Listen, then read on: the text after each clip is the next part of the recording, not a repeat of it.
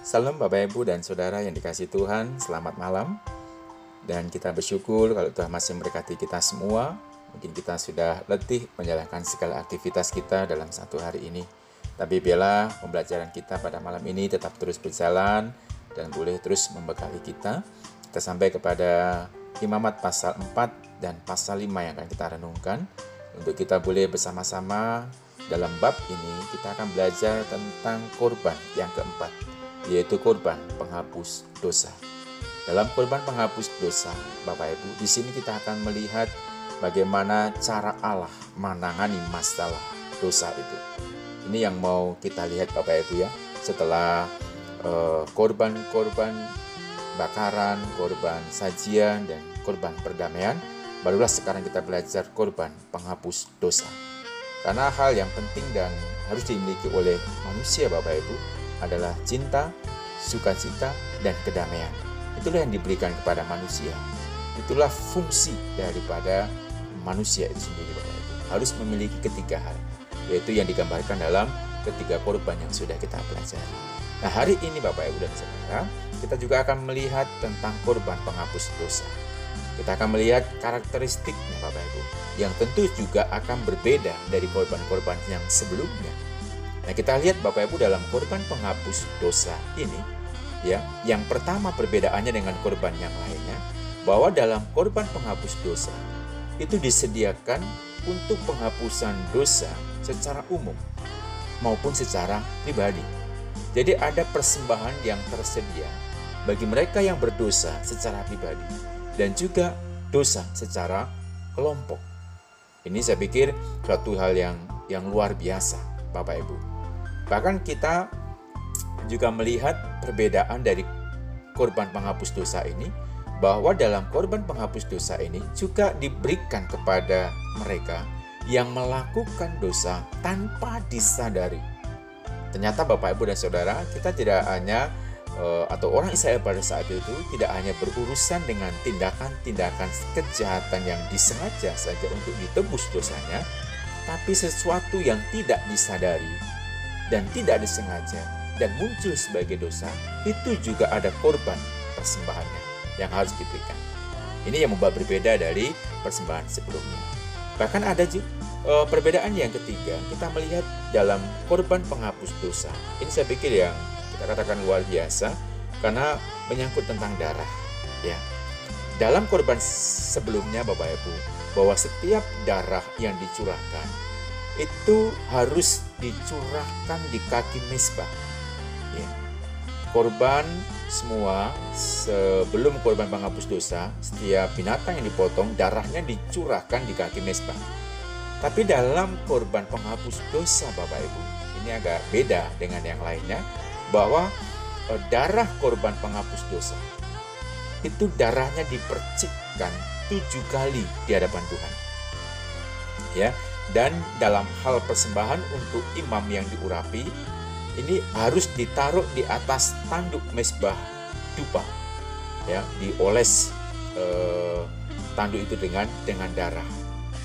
Ya, jadi, eh, tanduk mesbah itu terdiri di tempat suci di hadapan tabir yang sengaja tempatnya ditaruh di tempat maha kudus Bapak Ibu ya yaitu tempat e, di hadapan hadirat Tuhan. Itu yang dilakukan bagi mereka yang berdosa para imam. Tapi hal ini juga dilakukan kepada seluruh jemaat yang berdosa. Jadi darahnya harus dipercikkan dan juga dioleskan di di tanduk-tanduk yang ada di di mesbah.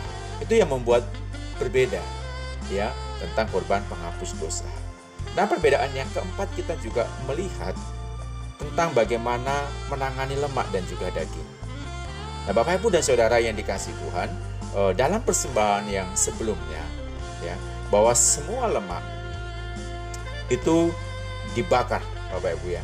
Semua organ dalam dan lemaknya harus dipersembahkan kepada Tuhan ini sama ya dengan korban-korban uh, perdamaian dan yang lainnya. Tapi uh, yang membuat berbeda Bapak Ibu, kalau kita lihat di pasal 4 ayat 11 uh, dikatakan tetapi kulit lembu dan semua dagingnya dengan kepala, kakinya, isi perutnya dan kotorannya seluruh lembu jantan itu harus dibawa keluar perkemahan.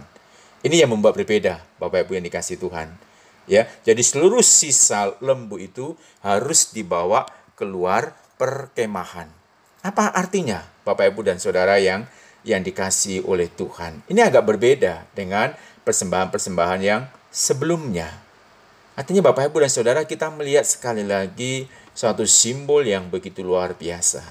Ya, jadi kita uh, menangkap ini Bapak Ibu dan Saudara uh, bahwa semua kekayaan kehidupan batinia kita, semua kehidupan dalam batin kita sebagai orang yang percaya kepada Yesus Kristus itu diterima oleh Allah.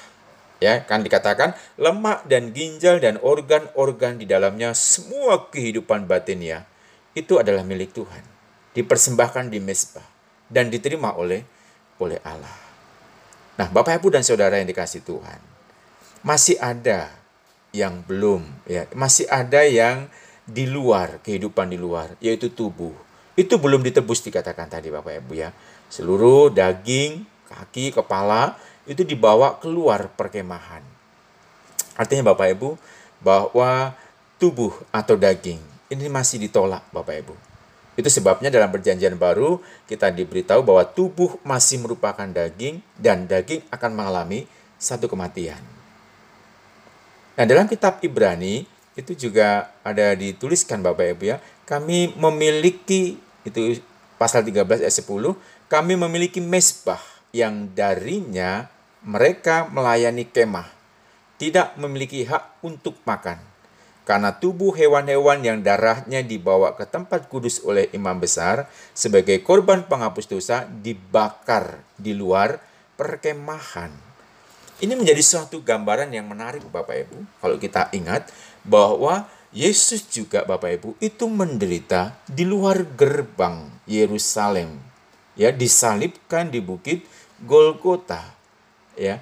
Untuk apa, Bapak? Untuk menguduskan orang-orang melalui darahnya sendiri. Jadi di, lu, di luar Yerusalem, Bapak Ibu, Yesus harus menanggung derita yang saya pikir sangat sangat luar biasa. Sekali lagi Bapak Ibu dan Saudara yang dikasih Tuhan, saya pikir ini menjadi suatu gambaran betapa indahnya ya eh, digambarkan dalam korban penghapus dosa ini. Ya, di luar perkemahan kita harus mengambil tempat yang Yesus ambil Bapak Ibu, yaitu kerendahan hati, kadang penolakan di hadapan dunia. Mungkin kita juga mengalami eh, derita, ejekan, bahkan harga diri kita pun kadang dipertaruhkan, ya Mungkin kita katakan kita nggak suka dengan kondisi yang seperti itu, di luar itu. Tapi masalahnya Bapak Ibu dan Saudara, Tuhan kita Yesus ada di sana. Ya. Jadi itulah yang membuat kita harus pergi keluar perkemahan Bapak Ibu. Karena Tuhan melakukan ini di luar perkemahan. Jadi hal yang luar biasa saya pikir Bapak Ibu yang menjadi kebenaran besar dari korban penghapus dosa adalah bahwa Allah telah menangani sifat-sifat jahat kita, dosa-dosa kita. Ya sehingga kita tidak terhubung lagi dengan dosa itu. Kita tidak seperti dulu lagi Bapak Ibu. Oleh karena itu Bapak Ibu, sebagai pribadi yang ada di dalam Yesus, kita pada dasarnya secara mendasar diterima di hadapan Allah. Benar-benar disukai di di hadapannya Bapak Ibu. Saat kita terima terima Yesus. Itulah yang dikatakan korban penghapus dosa kepada kita. Di dalam Kristus kita tidak lagi seperti yang dulu. Amin Bapak Ibu. Biarlah firman Tuhan pada malam ini boleh membawa kekuatan dan juga pembelajaran bagi kita semuanya sehingga kita semakin disadarkan betapa luar biasanya Allah uh, menyelesaikan segala dosa dan juga kesalahan kita. Kita berdoa Bapak Ibu. Tuhan terima kasih atas kebenaran yang menakjubkan Engkau ajarkan melalui kebenaran firman-Mu pada saat ini. Bahwa ada jalan keluar dari rasa salah kami, dari dosa-dosa kami. Ada jalan keluar dari keterasingan kami bahwa kami tidak perlu lagi jauh daripada Tuhan. Kami tidak perlu takut padamu. Kami tahu Tuhan, Engkau adalah Bapa surgawi yang mengasihi kami, yang menerima kami. Dan karena kami adalah anak-anak yang Engkau kasihi, yang ada dalam hatimu. Tolonglah kami Bapa, untuk kami jujur mengakui akan segala kesalahan kami. Untuk kami menyadari akan segala dosa dan pelanggaran kami. Dan supaya kami tidak mencoba untuk menghindarinya, tapi untuk mengetahui bahwa tidak ada jalan keluar kecuali kami mengakui bahwa Engkau Yesus adalah pembebas kami, bahwa Engkau adalah Yesus adalah jalan keselamatan bagi kami.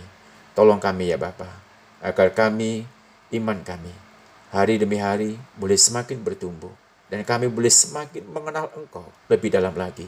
Betapa banyak dosa kesalahan kami Bapa, tapi Engkau telah menyelesaikannya Bapa, melalui pengorbananmu, melalui penderitaanmu di atas kayu salib.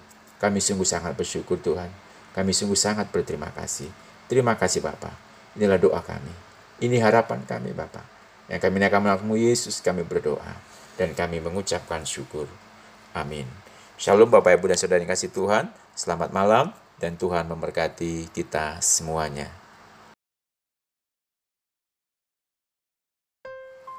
Salam Bapak Ibu dan Saudara yang dikasih Tuhan, selamat malam.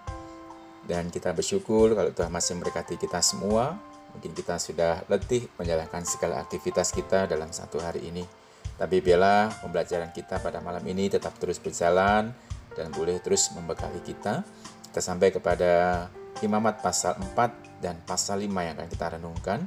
Untuk kita boleh bersama-sama dalam bab ini kita akan belajar tentang korban yang keempat yaitu korban penghapus dosa. Dalam korban penghapus dosa, Bapak Ibu, di sini kita akan melihat bagaimana cara Allah menangani masalah dosa itu. Ini yang mau kita lihat Bapak Ibu ya. Setelah eh, korban-korban uh, bakaran, korban sajian dan korban perdamaian, barulah sekarang kita belajar korban penghapus dosa. Karena hal yang penting dan harus dimiliki oleh manusia Bapak Ibu adalah cinta, sukacita, dan kedamaian.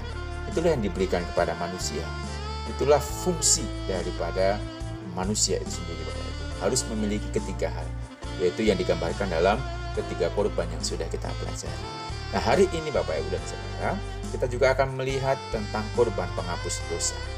Kita akan melihat karakteristiknya Bapak Ibu, yang tentu juga akan berbeda dari korban-korban yang sebelumnya Nah, kita lihat Bapak Ibu dalam korban penghapus dosa ini, ya, yang pertama perbedaannya dengan korban yang lainnya, bahwa dalam korban penghapus dosa itu disediakan untuk penghapusan dosa secara umum maupun secara pribadi. Jadi ada persembahan yang tersedia bagi mereka yang berdosa secara pribadi dan juga dosa secara kelompok. Ini saya pikir suatu hal yang yang luar biasa, Bapak Ibu. Bahkan kita juga melihat perbedaan dari korban penghapus dosa ini bahwa dalam korban penghapus dosa ini juga diberikan kepada mereka yang melakukan dosa tanpa disadari. Ternyata Bapak Ibu dan Saudara, kita tidak hanya eh, atau orang Israel pada saat itu tidak hanya berurusan dengan tindakan-tindakan kejahatan yang disengaja saja untuk ditebus dosanya, tapi sesuatu yang tidak disadari dan tidak disengaja dan muncul sebagai dosa, itu juga ada korban persembahannya yang harus diberikan. Ini yang membuat berbeda dari persembahan sebelumnya. Bahkan ada juga uh, perbedaan yang ketiga, kita melihat dalam korban penghapus dosa. Ini saya pikir yang kita katakan luar biasa karena menyangkut tentang darah. Ya, dalam korban sebelumnya Bapak Ibu, bahwa setiap darah yang dicurahkan itu harus dicurahkan di kaki mesbah. Ya. Korban semua sebelum korban penghapus dosa, setiap binatang yang dipotong darahnya dicurahkan di kaki mesbah. Tapi dalam korban penghapus dosa Bapak Ibu, ini agak beda dengan yang lainnya bahwa e, darah korban penghapus dosa itu darahnya dipercikkan tujuh kali di hadapan Tuhan. Ya, dan dalam hal persembahan untuk imam yang diurapi ini harus ditaruh di atas tanduk mesbah dupa ya dioles eh, tanduk itu dengan dengan darah ya. Jadi, eh, tanduk mesbah itu terdiri di tempat suci di hadapan tabir yang sengaja tempatnya ditaruh di tempat maha kudus Bapak Ibu ya yaitu tempat eh, di hadapan hadirat Tuhan. Itu yang dilakukan bagi mereka yang berdosa para imam tapi hal ini juga dilakukan kepada seluruh jemaat yang berdosa jadi darahnya harus dipercikkan dan juga dioleskan di tanduk-tanduk yang ada di di mesbah. Itu yang membuat berbeda ya tentang korban penghapus dosa. Nah, perbedaan yang keempat kita juga melihat tentang bagaimana menangani lemak dan juga daging. Nah, Bapak Ibu dan Saudara yang dikasih Tuhan, eh, dalam persembahan yang sebelumnya ya, bahwa semua lemak itu dibakar, Bapak Ibu ya. Semua organ dalam dan lemaknya harus dipersembahkan kepada Tuhan. Ini sama ya dengan korban-korban e, perdamaian dan yang lainnya. Tapi e, yang membuat berbeda Bapak Ibu, kalau kita lihat di pasal 4 ayat 11 e, dikatakan tetapi kulit lembu dan semua dagingnya dengan kepala, kakinya, isi perutnya dan kotorannya seluruh lembu jantan itu harus dibawa keluar perkemahan ini yang membuat berbeda, Bapak Ibu yang dikasih Tuhan. Ya, jadi seluruh sisa lembu itu harus dibawa keluar perkemahan. Apa artinya, Bapak Ibu dan Saudara yang yang dikasih oleh Tuhan? Ini agak berbeda dengan persembahan-persembahan yang sebelumnya. Artinya Bapak Ibu dan Saudara kita melihat sekali lagi suatu simbol yang begitu luar biasa. Ya, jadi kita uh, menangkap ini Bapak Ibu dan Saudara Eh, bahwa semua kekayaan kehidupan batinia kita, semua kehidupan dalam batin kita sebagai orang yang percaya kepada Yesus Kristus itu diterima oleh Allah. Ya, kan dikatakan lemak dan ginjal dan organ-organ di dalamnya semua kehidupan batinnya itu adalah milik Tuhan. Dipersembahkan di mesbah dan diterima oleh oleh Allah. Nah, Bapak Ibu dan Saudara yang dikasih Tuhan, masih ada yang belum ya, masih ada yang di luar kehidupan di luar, yaitu tubuh. Itu belum ditebus dikatakan tadi Bapak Ibu ya. Seluruh daging, kaki, kepala itu dibawa keluar perkemahan. Artinya Bapak Ibu bahwa tubuh atau daging ini masih ditolak Bapak Ibu. Itu sebabnya dalam perjanjian baru kita diberitahu bahwa tubuh masih merupakan daging dan daging akan mengalami satu kematian. Nah, dalam kitab Ibrani itu juga ada dituliskan Bapak Ibu ya, kami memiliki itu pasal 13 ayat 10, kami memiliki mesbah yang darinya mereka melayani kemah, tidak memiliki hak untuk makan karena tubuh hewan-hewan yang darahnya dibawa ke tempat kudus oleh imam besar sebagai korban penghapus dosa dibakar di luar perkemahan. Ini menjadi suatu gambaran yang menarik Bapak Ibu. Kalau kita ingat bahwa Yesus juga Bapak Ibu itu menderita di luar gerbang Yerusalem. Ya, disalibkan di bukit Golgota. Ya. Untuk apa, Bapak? Untuk menguduskan orang-orang melalui darahnya sendiri.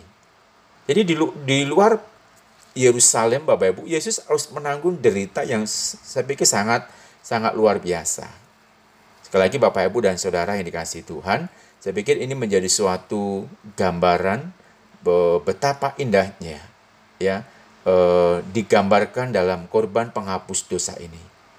Ya, di luar perkemahan kita harus mengambil tempat yang Yesus ambil Bapak Ibu yaitu kerendahan hati, kadang penolakan di hadapan dunia. Mungkin kita juga mengalami uh, derita, ejekan, bahkan harga diri kita pun kadang dipertaruhkan. Ya, mungkin kita katakan kita nggak suka dengan kondisi yang seperti itu di luar itu. Tapi masalahnya Bapak Ibu dan Saudara, Tuhan kita Yesus ada di sana. Ya, jadi itulah yang membuat kita harus pergi keluar perkemahan Bapak Ibu. Karena Tuhan melakukan ini di luar perkemahan. Jadi hal yang luar biasa saya pikir Bapak Ibu yang menjadi kebenaran besar dari korban penghapus dosa adalah bahwa Allah telah menangani sifat-sifat jahat kita, dosa-dosa kita. Ya sehingga kita tidak terhubung lagi dengan dosa itu. Kita tidak seperti dulu lagi Bapak Ibu. Oleh karena itu Bapak Ibu, sebagai pribadi yang ada di dalam Yesus, kita pada dasarnya secara mendasar diterima di hadapan Allah. Benar-benar disukai di di hadapannya Bapak Ibu. Saat kita terima terima Yesus. Itulah yang dikatakan korban penghapus dosa kepada kita. Di dalam Kristus kita tidak lagi seperti yang dulu. Amin Bapak Ibu. Biarlah firman Tuhan pada malam ini boleh membawa kekuatan dan juga pembelajaran bagi kita semuanya sehingga kita semakin disadarkan betapa luar biasanya Allah uh, menyelesaikan segala dosa dan juga kesalahan kita. Kita berdoa Bapak Ibu. Tuhan terima kasih atas kebenaran yang menakjubkan Engkau ajarkan melalui kebenaran firman-Mu pada saat ini. Bahwa ada jalan keluar dari rasa salah kami, dari dosa-dosa kami. Ada jalan keluar dari keterasingan kami bahwa kami tidak perlu lagi jauh daripada Tuhan. Kami tidak perlu takut padamu. Kami tahu Tuhan, Engkau adalah Bapa Surgawi yang mengasihi kami, yang menerima kami. Dan karena kami adalah anak-anak yang Engkau kasihi, yang ada dalam hatimu, tolonglah kami Bapa, untuk kami jujur mengakui akan segala kesalahan kami. Untuk kami menyadari akan segala dosa dan pelanggaran kami. Dan supaya kami tidak mencoba untuk menghindarinya, tapi untuk mengetahui bahwa tidak ada jalan keluar kecuali kami mengakui bahwa Engkau Yesus adalah pembebas kami, bahwa Engkau adalah Yesus adalah jalan keselamatan bagi kami. Tolong kami ya Bapa, agar kami, iman kami, hari demi hari boleh semakin bertumbuh dan kami boleh semakin mengenal Engkau lebih dalam lagi. Betapa banyak dosa kesalahan kami Bapa, tapi Engkau telah menyelesaikannya Bapa melalui pengorbananmu, melalui penderitaanmu di atas kayu salib. Kami sungguh sangat bersyukur Tuhan. Kami sungguh sangat berterima kasih. Terima kasih Bapa. Inilah doa kami. Ini harapan kami Bapa. Yang kami akan mengakumu Yesus kami berdoa. Dan kami mengucapkan syukur. Amin. Shalom Bapak Ibu dan Saudara yang kasih Tuhan. Selamat malam dan Tuhan memberkati kita semuanya.